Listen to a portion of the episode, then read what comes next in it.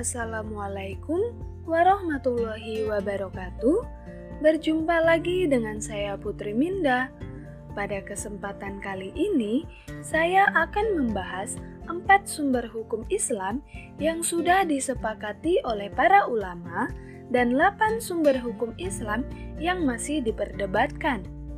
Baiklah, langsung saja. Empat sumber hukum Islam yang sudah disepakati adalah yang pertama ada Al-Quran. Al-Quran adalah kalam Allah Subhanahu wa Ta'ala yang diwahyukan kepada Rasulullah melalui perantara malaikat Jibril. Kemudian, yang kedua ada Al-Sunnah atau Al-Hadis. Al-Sunnah juga dikenal dengan Al-Hadis di mana kedudukannya sebagai sumber hukum berfungsi untuk pemberi keterangan, penguat, petangkis keumuman, dan membuat hukum baru yang ketentuannya tidak terdapat dalam Al-Quran. Hukum dalam Al-Hadis ini ditetapkan oleh Rasulullah melalui petunjuk dari Allah Subhanahu wa Ta'ala dan juga ijtihad.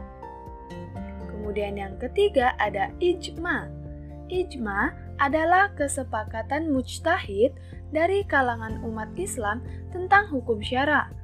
Pada suatu masa setelah Rasulullah Shallallahu Alaihi Wasallam wafat, ijma dapat dibagi menjadi dua bentuk, yakni ijma sari dan ijma sukuti.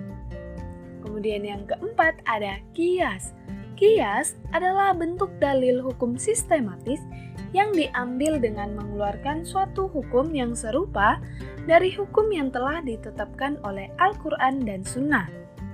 Kias menduduki posisi terakhir sebagai sumber hukum Islam yang disepakati oleh para ulama karena kias lebih lemah daripada ijma.